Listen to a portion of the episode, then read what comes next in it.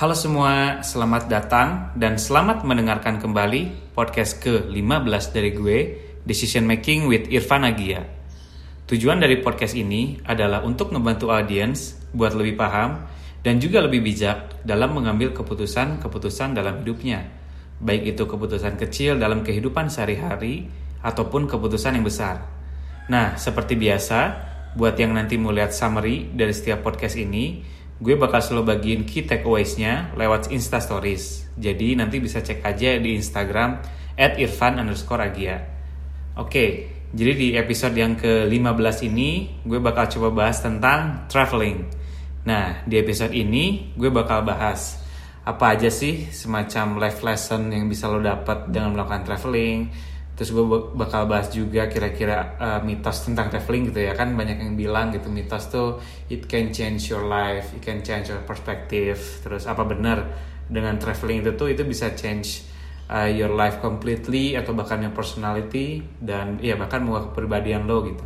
Nah, kalau gue pribadi itu orang yang kebetulan memang senang dan juga selalu always ngeluangin waktu a portion of my time in a year minimal once a year buat traveling gitu. Jadi kecintaan gue dengan traveling ini dulu dimulai pas gue kuliah S2 kemarin di Belanda. Jadi nah sebelum gue kuliah S2 tuh gue jarang banget traveling gitu jadi baru nih gue mulai start uh, addicted gitu ya sama traveling tuh pas gue S2 kemarin dan ya itu udah mulai nggak bisa berhenti buat traveling lah sampai sekarang gitu jadi waktu gue S2 kemarin landlord atau yang punya rumahnya gue itu di Belanda itu sempat ngingetin tuh sebelum gue traveling pertama kali keluar dari Belanda waktu kuliah. Jadi dia, dia tuh bilang kayak hati-hati loh sekalinya udah Euro trip atau udah jalan-jalan keluar gitu tuh udah nggak bisa berhenti katanya. Dia bilang gitu. Jadi ada istilahnya namanya uh, lu tuh digigit travel bug gitu. Jadi intinya adalah sekalinya nyoba itu susah berhenti buat traveling. Jadi it always affect you nah kalau dari sisi ilmuwan psikologi bener nggak sih kalau traveling itu tuh bisa bikin kita tuh ketagihan nah menurut Dr. Michael Brain. Jadi dia ini tuh social psychologist yang keahliannya itu di bidang travel dan komunikasi interkultural. Jadi dia memang di di expert di fieldnya ada.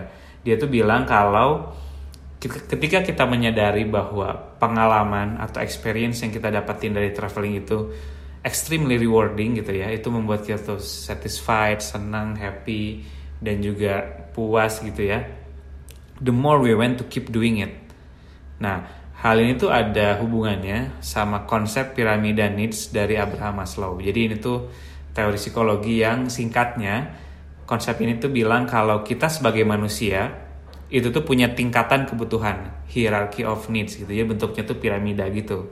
Jadi mulai dari yang level paling bawah itu tuh kita tuh perlu perlu memenuhi kebutuhan basic needs gitu kayak makan, minum, seks gitu. Jadi sampai paling atas tuh intinya tujuan kita itu untuk aktualisasi diri. Jadi hierarki paling atas itu adalah self actualization.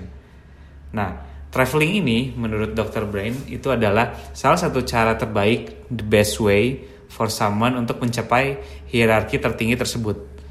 Kenapa? Karena melalui traveling kita tuh bisa merasakan new sight gitu ya, penglihatan yang baru, mendengar hal yang baru, dan mendapatkan pengalaman di setiap sudut tempat saat traveling gitu jadi kemampuan kita untuk mengalami dan melewati situasi-situasi yang gak familiar tersebut tuh jadi cara terbaik seseorang buat mencapai the highest level needs dari piramida Maslow tersebut. Nah, dalam teori si piramida kebutuhan tersebut itu bilang bahwa kebanyakan orang itu most of people secara bawah sadar tuh mengatur dan menjalani kesehariannya untuk predictable, stress free dan juga dibuat semudah mungkin gitu untuk mencapai basic human needs of safety and survival. Jadi rutinitas kita, kerjaan kita sehari-hari itu tuh memang uh, secara tidak sadar kita rancang buat semudah mungkin kita pengen melewati rutinitas semudah mungkin, senyaman mungkin. Makanya sampai ada sempat istilah comfort zone kan karena itu adalah rutinitas kita yang terus-menerus kita lakukan. Nah, semakin lama kita memaintain rutinitas ini, itu tuh semakin kita membatasi kesempatan-kesempatan untuk pengembangan diri. Gitu. Jadi dengan kita mencoba keluar dari rutinitas yang mudah tersebut gitu ya dan mencoba challenging diri sendiri, itu tuh membantu kita untuk mencapai the needs of accomplishment. Jadi kebutuhan untuk uh, suatu pencapaian gitu achievement. Dan aktualisasi diri yang berada dalam puncak piramid itu adalah the highest level of needs kita sebagai manusia dan menurut gue it makes perfect sense traveling itu bisa jadi salah satu cara the best way untuk mencapai aktualisasi diri karena traveling itu jadi spesial karena it's a physical and psychological escape from your routine. Jadi I repeat, gue ulang lagi. Jadi traveling itu jadi spesial karena it's a physical and psychological escape from your routine. Nah, jadi apa aja sih impact yang bisa dirasain sama seseorang baik itu secara langsung ataupun nggak langsung ketika traveling gitu ya. Jadi ada beberapa poin yang bisa gue share ini based on experience dan juga teori-teori. Jadi kalau yang pertama, traveling itu tuh bakal memperkuat atau mengungkap hubungan dengan orang-orang yang kita tinggalkan saat traveling baik itu teman, partner atau keluarga gitu ya. Jadi traveling terutama dalam jangka waktu yang cukup lama gitu ya misalnya dua, dua minggu atau bahkan ada yang sampai berbulan-bulan itu membuat kita dapat take a break dari existing friends dan juga social circle kita. Nah, jeda itu tuh jeda that break is crucial to help you see if you really miss those you left behind gitu. Nah, ketika kita kembali dari traveling gitu ya kita akan either reconnect and pick up where we left off at atau kita ngerasa oh ya udah ternyata ya ya biasa aja gitu hubungannya. Friendshipnya seems hollow atau empty. Jadi nggak ada desire untuk reconnect. Jadi walaupun sebenarnya ada juga ya tipe-tipe pertemanan yang disebutnya tuh low maintenance friendship. Jadi di mana hubungan itu nggak perlu selalu intens untuk tetap berteman. Tapi ini akan jadi topik tersendiri yang bakal gue bahas juga nanti di episode selanjutnya di podcast ini. Tapi poinnya, the point is, traveling itu bisa membuat kita melihat bahwa setelah kita take a break itu, setelah saat kita traveling, kita bisa melihat dengan lebih clear, dengan lebih jelas hubungan kita dengan orang-orang yang kita tinggalkan. Gitu. Terus yang kedua, traveling itu tuh memaksa kita untuk berada dalam situasi yang penuh ketidakpastian. This is the most important thing kalau menurut gue tentang travelingnya jadi saat traveling kita tuh bisa belajar life skill yang menurut gue bakal lo pakai di mana pun konteksnya yaitu belajar untuk mencoba tetap nyaman tenang di situasi yang penuh uncertainty. Nggak pasti full of worry dan hal yang bikin cemas gitu banyak.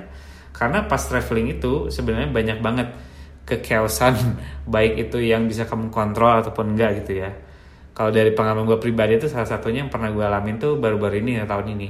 Kekeosan pas gue kemarin ke Korea ke ke South Korea. Jadi flight gue untuk pulang ke Jakarta itu ternyata tiba-tiba di reschedule sepihak sama pihak airlinesnya dan sialnya flight gue itu connecting flight yang transit di Malaysia. Nah karena flight pertama gue tuh dimundurin tuh jadinya di, di schedule otomatis gue nggak bisa ngejar flight kedua gue yang dari Malaysia ke Jakarta gitu karena mepet mepet banget gitu. Jadi bayangin itu pada gue tuh udah sempet check in malamnya udah mobile check udah mau check in udah dapat kursi udah tenang banget lah mau pulang hari terakhir kan gitu. Karena kalau gue sendiri kalau traveling itu tipe yang well plan banget gitu. Jadi sekalinya ada yang tiba-tiba keluar jalur dari plan itu gue cukup anxious ya cukup waduh worry ini gimana ya? Dan tapi sebenarnya golden lesson dari yang gue pelajari selama gue traveling dan selalu gue bawa sampai sekarang itu adalah kepanikan itu nggak akan nyelesain apa-apa gitu. Jadi lo mau ngeluh segimanapun juga gitu. The fact that you must adjust your schedule itu nggak bisa diubah lagi. Gitu. Jadi yang bisa kita lakuin itu cuma tetap tenang keep clear our mind. Jadi gue adjust plan waktu itu coba legowo. Dan jadinya tuh gue nginep dulu beberapa jam di KL Airport gitu buat naik schedule pesawat lain besokannya buat pulang ke Jakarta. Gitu. Karena sebenarnya prinsip gue itu memang ada hal yang nggak bisa kamu kontrol gitu. Jadi there are a lot of things that you can't control outside you dan yang bisa kita kontrol itu justru cuma gimana kita reactnya how we react to the environment gitu. Jadi learn how to surf the wave gitu. Yang penting intinya sih kalau buat gue itu bisa pulang ke rumah dengan aman dan selamat gitu ya. Gitu dan sorry menurut gue itu ada life skill yang bakal lo bawa ke mana pun dan di mana pun gitu. Jadi it can train you melatih lo dalam konteks apa pun buat tetap lebih tenang under control ketika ada situasi yang walaupun di luar kendali gitu ya gitu nah yang poin ketiga traveling itu dapat membuat kita melihat kebaikan-kebaikan atau kindness yang ada di dunia ini. Kenapa sih? Karena sebenarnya memang sebenarnya rule pertama dari traveling adalah selalu waspada, always uh, security first.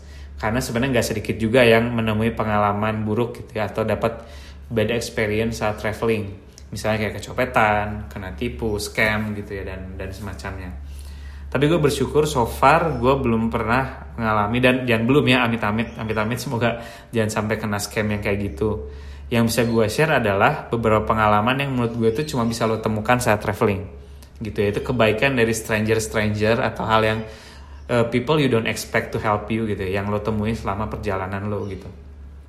Jadi kayak di saat lo pasrah dan gak tahu ngapain gitu ada ada aja gitu bantuan yang datang dari orang-orang yang gak pernah kamu sangka gitu. Jadi kalau gue sendiri yang gue pernah alami itu ketika uh, gue mau pulang dari Vietnam gue habis kerja uh, tiga mingguan gitu di sana habis dinas terus mau pulang ke Jakarta. Itu gue again gue kena connecting flight di KL jadi pesawat gue tuh delay dan gue tuh cuma punya terbatas banget buat ngejar connecting flight.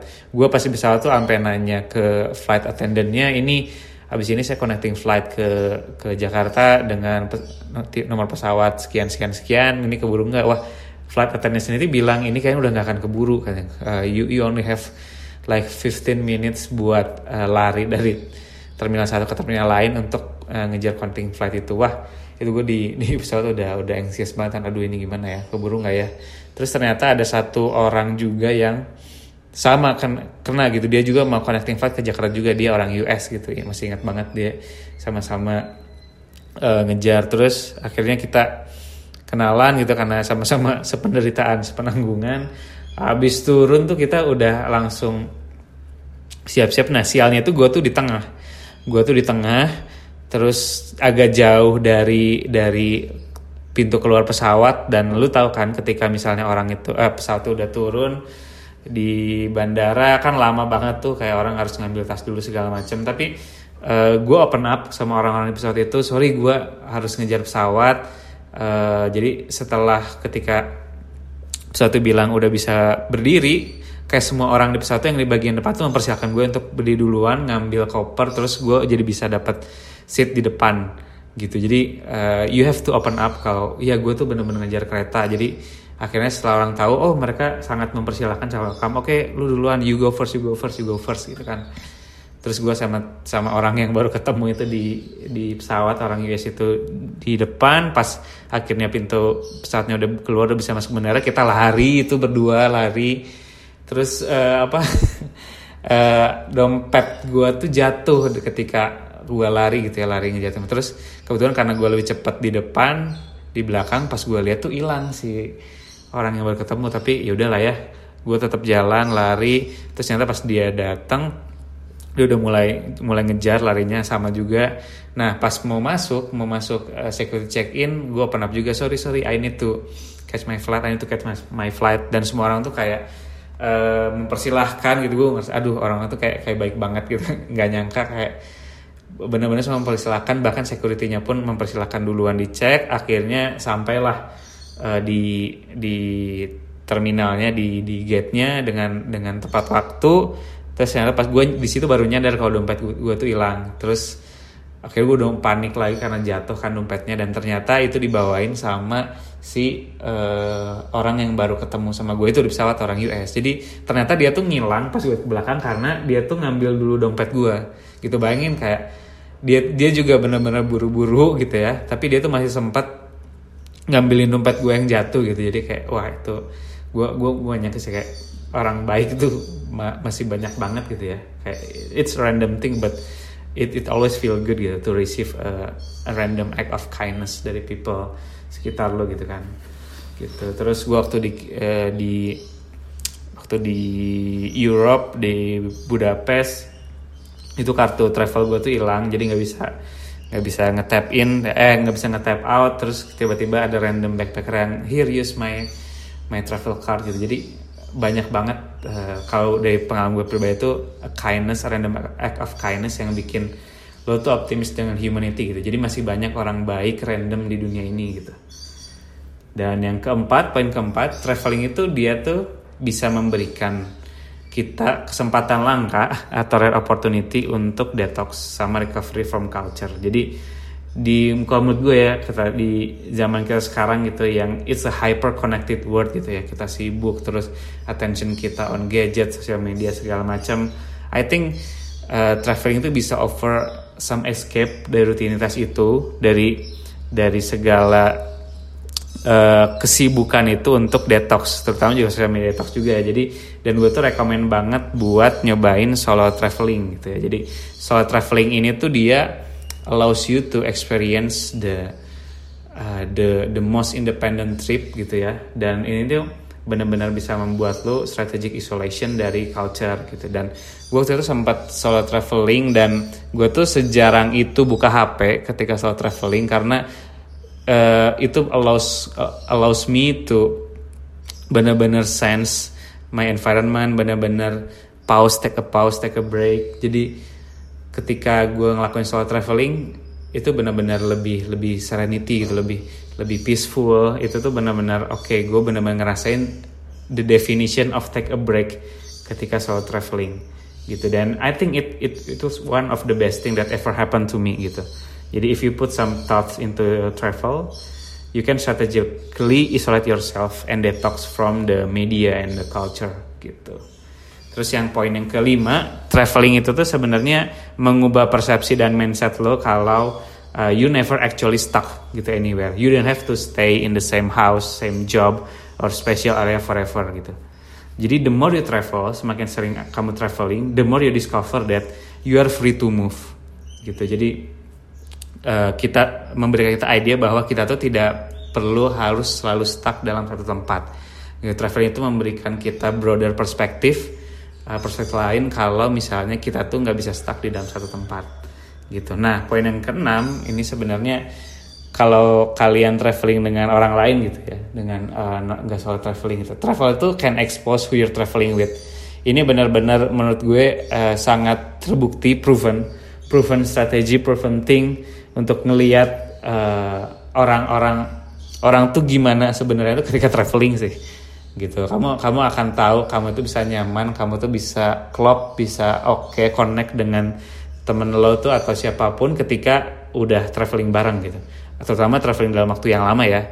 Karena dalam traveling itu it expose us to vulnerability gitu uncertainty. Jadi kemudian ketika bikin itinerary eh, mungkin ada yang selfish ada yang apa ada yang jadi telat atau apa segala macam. Jadi uh, traveling itu adalah satu cara yang paling gampang untuk menguak gitu ya menguak kayak teman lo kayak gimana partner lo kayak gimana gitu siapa pun yang travel mate lo tuh kayak gimana. Itu tuh benar-benar menguji menguji uh, the real person itu akan kelihatan ketika traveling uh, I know it's subjective but based on experience I, I can sense that I, and I can approve that gitu Nah, kembali lagi ke mitosnya traveling gitu ya. Apa sih benar nggak sih traveling itu bisa mengubah kita changing your mindset? Nah, uh, salah satu faktor psikologis yang bisa membuat kita tuh change our mindset is adversity gitu. Jadi adversity itu adalah uh, hal yang baru, a newness gitu ya.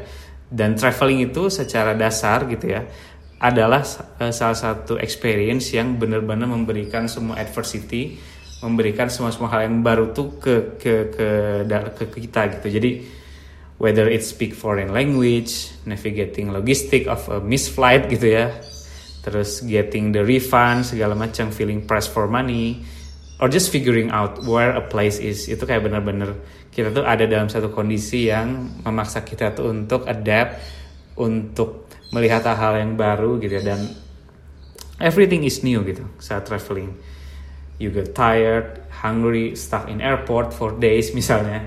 Dan ini tuh sebenarnya membuat kita bisa mulai appreciating the small things gitu, seperti uh, eh, AC gitu ya. Kita tuh kadang butuh butuh apa? Butuh udara dingin gitu ya. Kadang hal-hal kecil yang kadang kita take it for granted. Jadi menurut gue yang gue pelajari juga adalah traveling makes you more grateful gitu. Because these experiences make you appreciate the little things gitu. Jadi dan juga ketika traveling uh, I can assume that you're going to look like an idiot gitu. Kayak lo tuh akan kebingungan segala macam gitu ya. I, it means that you had the courage to try new things gitu ya dan just accept the fact gitu. Kalau kita tuh mungkin ketika awal-awal atau traveling kita akan kebingungan, kita akan lost segala macam, but it's a fun a fun thing, it's a part of traveling gitu. Dan even ketika kita memiliki pengalaman buruk gitu ya ketika traveling, your worst days make for the best stories gitu. Jadi banyak orang bilang kalau bad travel days tuh ruin vacation, kayak ya, tiba-tiba udah udah seneng bikin itu begini ternyata cuacanya hujan, ternyata uh, banyak hal yang nggak bisa nggak bisa kita kontrol dan bikin jadi jadi nggak sesuai rencana. Tapi it's true in the moment itu definitely ruin things ruin our plan. Tapi bad days make good stories gitu. Jadi and you be able to tell those stories someday over a boring family dinner gitu atau ketika ada conversation gitu. Jadi traveling is another experience to pocket. Jadi another story to tell. Jadi in the end sebenarnya intinya kita sebagai manusia we all want to find a meaning gitu. Kita pengen mencari meaning dalam hidup kita kita pengen mencapai aktualisasi diri and one way to do that is to create your own story through traveling. Gitu. Jadi traveling uh, definitely can change you can change your perspective can give you the best life skill gitu that you ever had gitu. Jadi I can approve that banyak banget uh, life changing moments yang gue dapat ketika traveling banyak banget life skill yang gue dapetin yang cuma bisa gue dapetin saat traveling. Dan in the, yang paling gue rasain ada it makes me a brave person. Gue nggak pernah nyangka bisa seberani itu kayak mulai solo traveling bikin internet sendiri. Itu membuat gue semakin disiplin berani take risk gitu ya. Terus juga it change my stereotype jadi banyak banget life skill dan juga life experience yang bisa lo dapat ketika traveling. So I really recommend that uh, once a year just give your time to do a traveling gitu. Jadi oke, okay, I think that's all tentang traveling. Semoga benar benar berguna buat teman-teman yang dengar. Dan untuk next episode, gue bakal bahas tentang study abroad. Gitu ini dari based on my experience and also based on the theory uh, buat study abroad gitu. Dan mungkin tips and trick juga. Jadi stay tune untuk teman-teman yang butuh masukan, butuh tips, butuh uh, sharing experience tentang study abroad. Nah, gue berharapnya ke depannya kita bisa catch up lagi di next episode. Kalau ada masukan atau ide topik apa lagi yang menarik untuk dibahas, bisa langsung mention gue di Instagram at irfan agia. Sampai jumpa di episode ke-16, Decision Making with Irfan Agia. See you in the next two weeks. Thank you.